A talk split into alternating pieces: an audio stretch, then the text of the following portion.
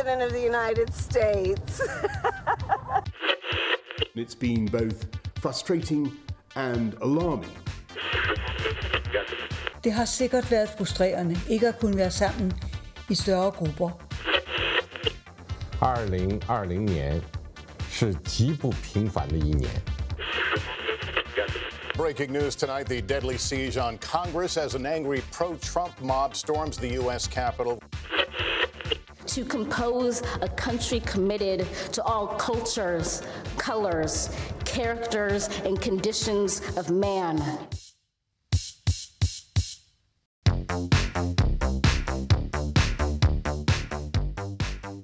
Góðan dag kæru hlustendur fyrir að hlusta á heimskviður. Ég heiti Guðmundur Björn Þorpesson. Og ég heiti Birta Björnsdóttir. Í heimskviðum er fjallaðum það sem gerist ekki á Íslandi.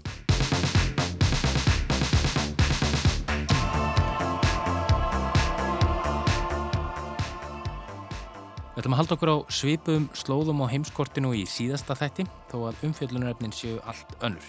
Já, í síðasta þætti fórum við bæði til Bandaríkjana og til Afríku. Við fjöllum um baráttuna við hriðiverka samtökin Boko Haram í Afríku og myndumst bandaríska tónlistamannsins Kurt Cobain. Og við ætlum að halda okkur eins og þú segir á svipuðum slóðum þó umfjöllunarefnin verði af aðeins öðrum tóa. Já, í síðar hluta þáttar eins ætlar Bjarni Petur Jónsson að fara með okkur til Kenya. Það ríkir mikil spilling líkt og víða í ríkjum Afrikum sem mörg hverega erfið ári vændum. Ekki vegna koronavirunar, heldur vegna uppsapnaðra skulda og illagengur að bæta lífskjör almennings. Já, en áður en að því kemur ætlum við að fjalla aðeins um Amazon. Ekki rekskóin þó. Nei, ekki að þessu sinni. Við höfum reyndar gert það áður í heimskvöðum en nú er komið að samnemdu fyrirtæki. What can you get on Amazon? Everything from A to Z. Ankle socks, Apple products, air compressor, antique dresser, batteries. Amazon eins og margir góðir hlutir var til í bílskur. Jeff nokkur Bezos, sem við segjum ykkur aðeins betur frá eftir, stopnaði fyrirtækið í bílskurnum heima í Bellevue í Washington árið 1994. Vestlun á netinu var og er grunn hugmyndin og Bezos byrjaði á því að selja bækur.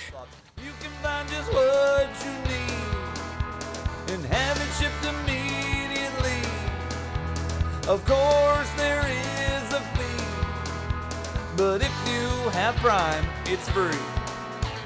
Svo bættist fljótti í rafrænu hillunar, húsgögn og fött, leikfeng og ráftæki, tónlist og kvikmyndir, tölvuleikir og skartgripir. Þessi þáttur er nú bara hálftími svo við getum ekki fara að lista upp allt hér sem er til sölu hjá Amazon. Mixer, Kindle Fire, kayak rack, kids back tire, lingerie, luggage tags, laptop case or lobster hat. So no Nei, en til að gera langastögu stutta þá er fyrirtækið í dag talið með þessum fimm stóru bandarísku fyrirtækjum í upplýsinga og tæknigerunum, Big Tech eins og þau eru stundum kölluð. Já, og hinn fjögur verandi þá Google, Apple, Microsoft og Facebook. Free two-hour grocery delivery. Now with Prime.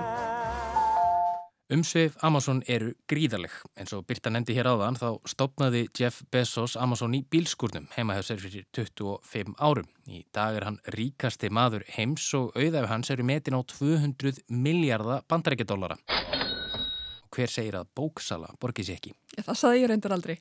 En þessi auðæfi koma nú ekki bara frá bóksölu. Nei, það er reyndar rétt. En þannig byrjaði þetta. Well, three years ago, I was in New York City working for a quantitative hedge fund when I came across the startling statistic that web usage was growing at 2,300% a year. So I decided I would try and find a business plan that made sense in the context of that growth. And I picked books as the first best product to sell online. Hér heyrðum við viðtal við Jeff Bezos frá árinu 1997, þremur árum eftir að hann stopnaði Amazon og tveimur árum eftir að fyrirtæki hans fór að selja bækur á netinu. Bezos segir hér að hann hafi ákveðið að stopna Amazon þegar hann fretta því að fleiri og fleiri væri fartin að nota internetið. Hann hefði því sest nýður og ákveðið að finna viðskiptahugmynd og komst að þeirri niðurstöðu að það væri kannski sníðugt að reyna að selja bækur á netinu og það reyndist rétt hjá honum.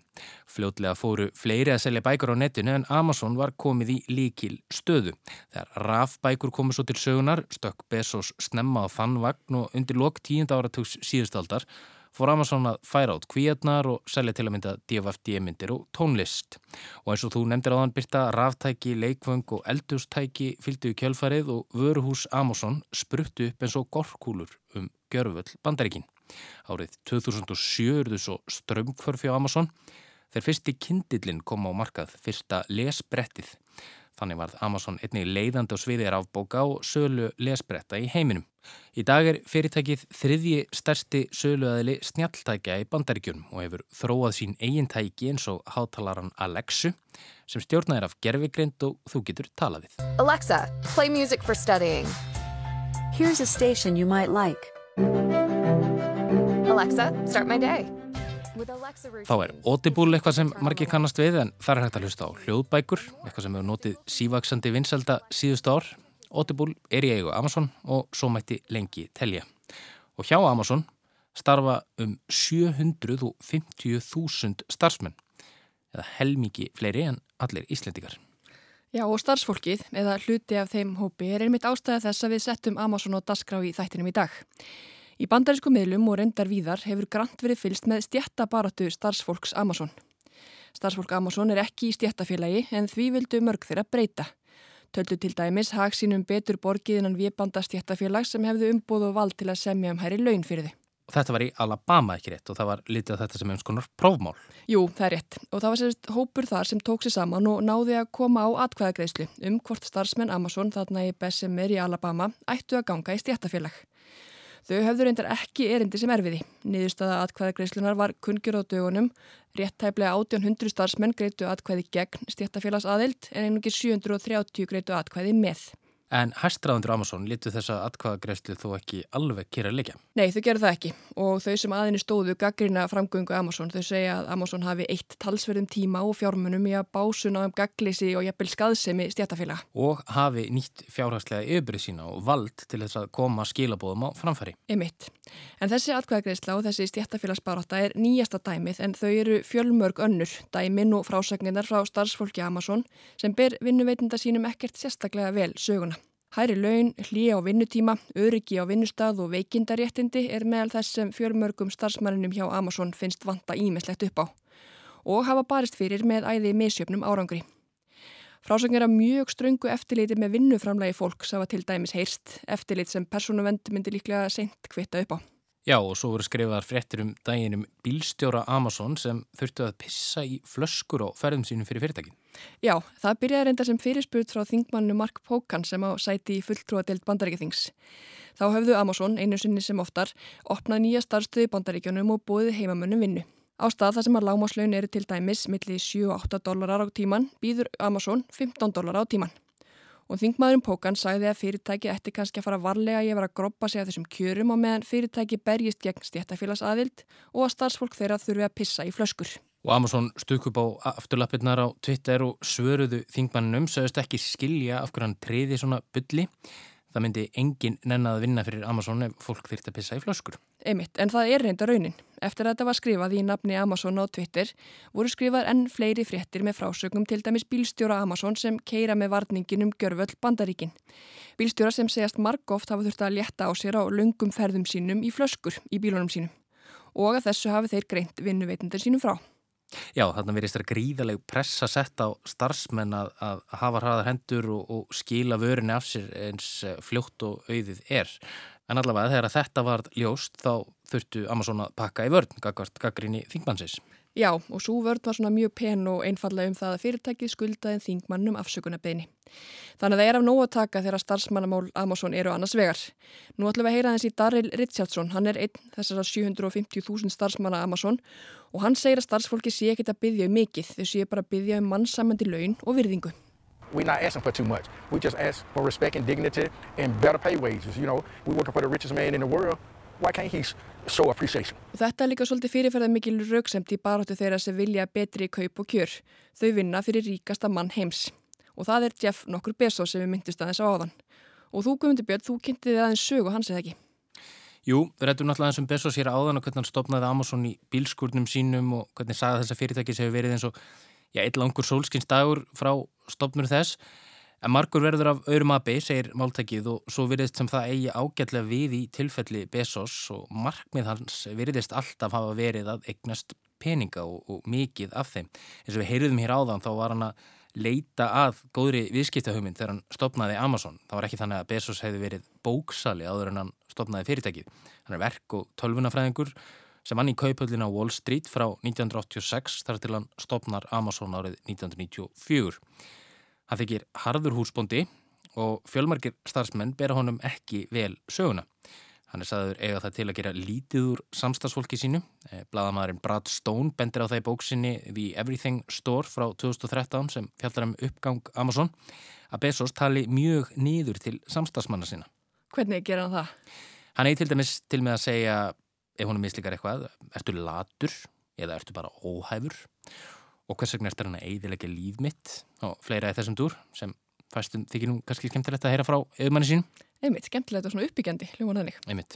En í februar síðastlinu þá tilkynnti Bezos að hann myndi hætta sem forstjóri Amazon síðar á þessu ári. Andy Jassy, aðstofamaður Bezos til margar ára, tekur við. En Bezos er þó ekki alveg sestur í Helgan Stein, hann verður áfram stjórnarformaður Amazon, en ætlar þó að nota krafta sína í önnur hugðaræfni, en það þarf hann jú ekki að hafa áhyggjur af peningum.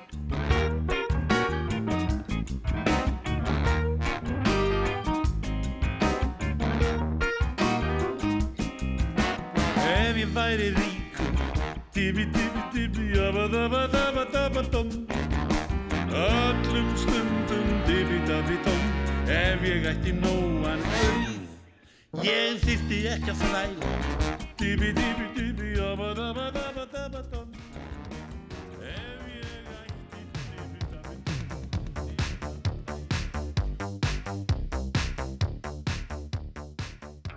En þá yfir til Afríku.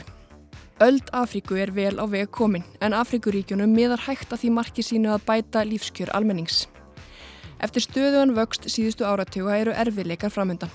En það er ekki bara vegna faraldursins því kreppur síðustu áratuga hafa lítið snert Afríkuríkin, hvort sem það tengjast veirum eða böngum og bólum sem springa. Skuldum hlaðin eru mörg þeirra að þrótum komin.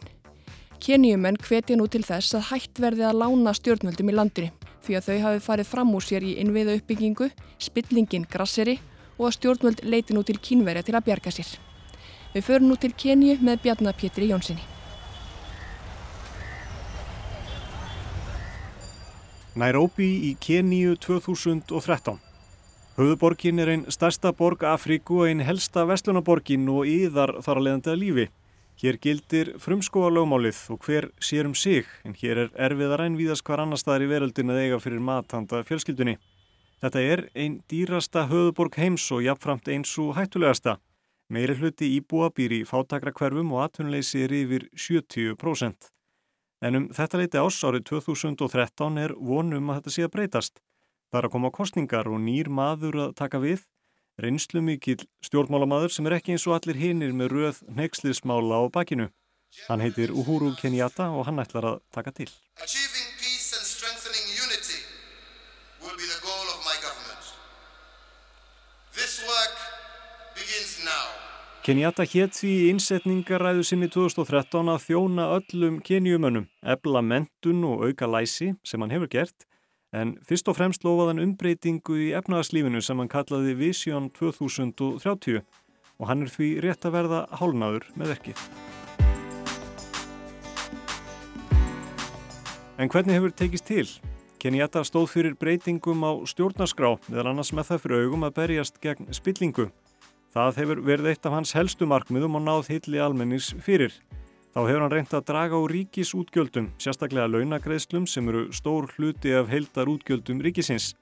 Hann byrjaði því að lækka laun sín og annarar áþeira um 20% í þeirri vonað fleiri háttlaunaður embættismenn fyldu sem varður reyndar ekki raunin. En helsta breytingin sem hann hefur ráðist í eru umfásmiklar innviða framkvæmdir og fjárfestingar. Kenjumenn hafa verið afar stórtækir síðustu ár og bætt hafnir, eld samgöngur með bæði vegum og lestarteinum og ætlaði að færa Kenju rætt til nútímas. Stærsta framkvæmdin og jafnframt svo dýrasta frá sjálfstæðilandsins var lagning lestarteina frá hafnaborginni Mombasa til Nairobi sem kostaði vel á fjórða miljard bandaríkjadala og lauk árið 2017. Hún var að mestum hluta fjármögnuð í tengslu við belti og braut kínverja sem verður líklega eitt umfósmesta verkefni aldarinnar en stjórnvöldi í Kína stefna því að endurreisa einn forna silkiveg og tengja saman Afríku, Asíu og Evrópu og stopna nýtt og áhrifamikið samfélags- og viðskiptakerfi. Framkvæmdinnar í Keníu auðvelda mjög bæði vöru og fólksflutninga frá Mombasa til höfuborgarinnar en þær kostuðu sitt.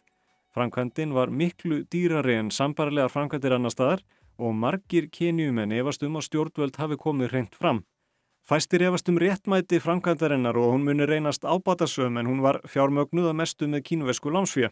Samningar stjórnvalda við lánadrottna hafa ekki verið gerðir opimberir og því óttast margir kenjumenn að spiltir embætismenn fái greitt undir borðið í tengslu með framkvæmdina eins og svo lengi yfir týðkast í fjölda Afrikuríkja. Jörgen Levin, þróunar hagfræðingur hjá Norrænu Afrikustofnuninni, segir fagnaðarefni að Afrikuríkjunum standi til bóða fjölbreyttir lánamöguleikar en það þurfi að bæta regluverkið áður en ráðist er í miklar lántökur. The problem with the Chinese loans, there's one element that are, I think, the most of the concerns for many economists is the transparency. Hann segir helsta áhyggjuefnið við lántökur frá Kína skortur og gegnsægi. Upplýsingar um mörg þessara lána líki ekki fyrir og þau séu jafnvel ekki öll skráð. Stjórnvöldi í bandaríkjunum hafa haldið í framsýðustu ára að kínveri að reyni að lána Afrikuríkjunum sem allra mest og ætli sér svo að taka yfir verðmættar auðlindir þegar ríkin get ekki lengur greitt af lánunum. Þessu hafna stjórnvöldi Kína og segja styðja uppbyggingu í Afrikuríkjunum sem komi bæði íbúum álfunar og kínverjum vel. Síðustu tvö ár hafa kínverjar dreyið mjög úr lánveitingum í Afriku. Það náðu hámarki 2015 þegar það voru 28 miljardar bandrækjadala en voru aðeins 7 2019. Kínverjar hafa lánað vel á annan tug Afrikuríkja fyrir stórum framkvæmdum síðastliðin áratug. Eitt þeirra er Sambíja en það var fyrir áramót fyrsta ríkið til að óska eftir greiðslustöðun eftir að koronaviru faraldurinn hóst og fleiri standa tæft. Zambia is on the brink of defaulting on its foreign debt after it missed repayment of more than 40 million US dollars last month. It would become the first country in Africa to default on its sovereign debt since Það er margt sem rísatnir í alþjóða stjórnmálum ásælast í Afriku. Það er reynd áhrifavald, hvaða stefnu þessi stóra og fjölmenna álva tekur og svo staða hennar innan saminuð þjóðana. Því þótt Afrikuríkin séu heldur áhrifa lítil alþjóðlega þá skipaður stóran sess innan allsýraðþings saminuð þjóðana og hafa þar flest atkvæði og því töluverð áhrif. En íbúar Afríku eru konum með nóg af því að vera leiksoppar stórvelda.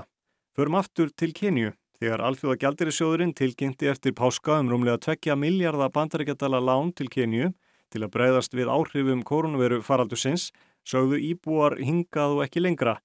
Hættið að lána Kenju var herrferð sem hófst á samfélagsmiðlum eftir páska því margir óttast að ekki verði hægt að greiða tilbaka nema með skattahækkunum á íbúana. Skuldir Kenju hafa fjórfaldast frá 2013.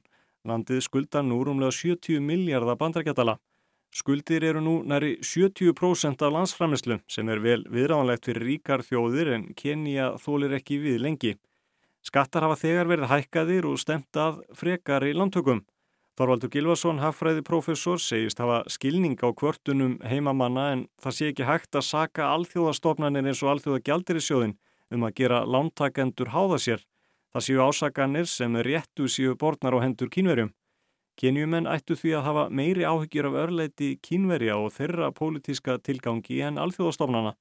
Frekar ætti að þrýsta á stjórnvöld að bæta hagstjórnina og setja skýr skilirði fyrir lántökum í stað þess að hafna lánsfíja.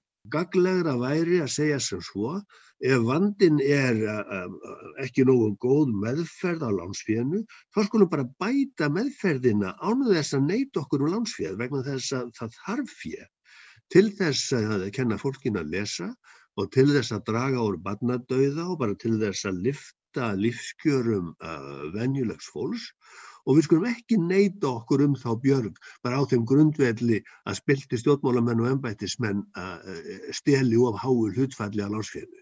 Girðum heldur fyrir gritteldirnar á þess að missa sjónar á nöðsinn þess að lifta kjörum fólksins. Það hefur lengi á stefnusgrá Kenju fórsetta að breyðast við spillingu en hann áætlar sjálfur að 18 miljónir bandarækjadala tapist í landinu vegna hennar daglega. Það er því til mikils að vinna. En þetta verður gengið hægt og skipulag hagstjórnarinnar ekki verið í takti við uppgangin.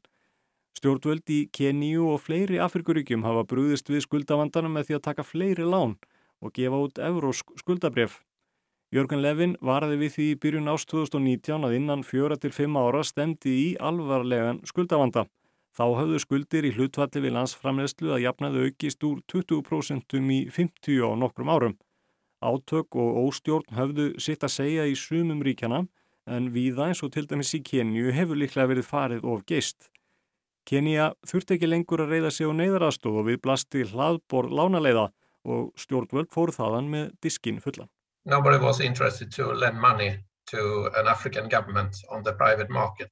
But because of the kind of relatively good economic performance since early 2000, so many governments, so they were issuing these Eurobonds, which became quite popular. Jörgen sér að kaup og útgáfa evróskra skuldabriða hafi verið mjög vinsæl í Afríku síðastliðin áratug, svo mjög að alþjóða gjaldirisjóðurinn varaði við því fyrra sem kalla var eðslu fyllir í Afríkuríkjana. Það myndi ekki gefast vel að treysta á skamtímalán með háum vöxtum til að greiða fyrir innviða framkvæmdir sem skiluðu ábata hægt. Virði þessara skuldabrefa var meira milli árana 2018 og 19 en allra þeirra brefa sem Afrikuríkin gaf út eða keiftu frá aldamótum til 2017. Sem sagt, það var keift meira á einu ári en 16 árum þar á undan. Jörgen segir lánsfjö nöðsynlegt er að ráðast í stórar framkvæmdir en það þurfi að fara valega. Infrastructure is important, but uh, the most important investment you do is in your population.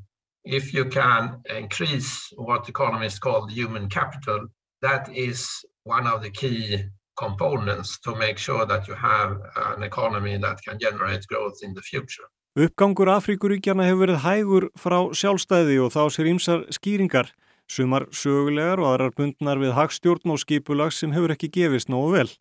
Sumu völdu sér fyrirmyndi sovjeskum áallunarbúskap frekar en markaðsbúskap Vesturlanda. Þetta tafði mörg þeirra en nú er uppgangur hraður. Þorvaldur Gilvason hefur borið saman sum Afrikuríkjana á 20. öld við Íslandi í kringum 1900. Þá var fæðingartíðni svipuð hér og í Afriku en þá egnuðust íslenskar og afrískar konur að jafnaði sex börn.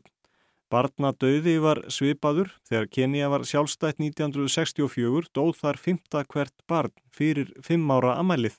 Svipað hér og í lok 19. aldar.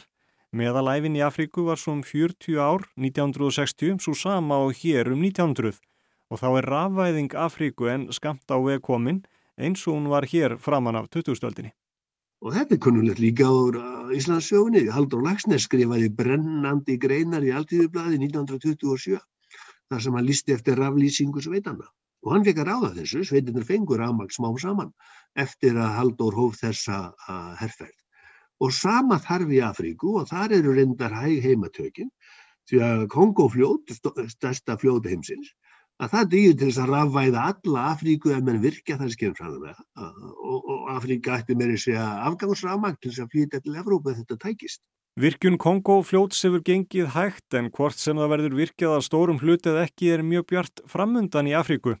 Þrátt fyrir að heimshagkerfið hafa vorið fyrir áföllum reglulega síðustu áratíi hafa mörg Afríkuríkjana sloppið vel, einnig undan koronaviru faraldinum. Þó þar geti bröðið til begja vona á næstu mánuðum því aðeins 1% íbú á Afríku hefur fengið bólusetningu, samanborið við um þriðjung bandrækjamanna. Unnið hefur verið að því lengi að treysta viðskipti í Afríku og það hefur skilað miklum árangri. Fríverslunarsamningur Afríkuríkjana var staðfestur í byrjun þessa ás og tekur gildi í skrefum en hann auðveldar viðskipti og eigur hagsælt á komandi árum. Jörgen segir að með tilkomu hans eigi Kenya með sitt vaksandi hagkerfi og öflugu innviði eftir að blómstra. Some countries will benefit more than others. And if you already have a kind of diversified economy, uh, you have an industrial sector, and Kenya has that. Uh, so Kenya is one of the countries that's going to see uh, major benefits of this integration agenda across Africa. Álvan er hratt vaksandi efnahagsveldi og búistir við að mannfjöldi eigi þar eftir að tvöfaldast fyrir miðja öldina. Íbúar verða nærið 2,5 miljardur og vinnandi hendur líklega hvergi fleiri. Og það er því mikilvægast óháð lántökum og skuldavanda að hugað mannauði en þriðjungur íbúa sunnan Sahara er enn ólæs. Læsi, líðhelsa, líðræði, þessi þrjú ell eru líkillin sem við bárum gæfu til þess að nota til þess að opna okkar skrár í Evrópu og á Íslandi. Og þetta er það sem að framsýnir leðtógar og framsýnt fólk í Afríku horfir á. Og því skal takast að gera það á þessari öll sem okkur tókst að gera á henni síðustu.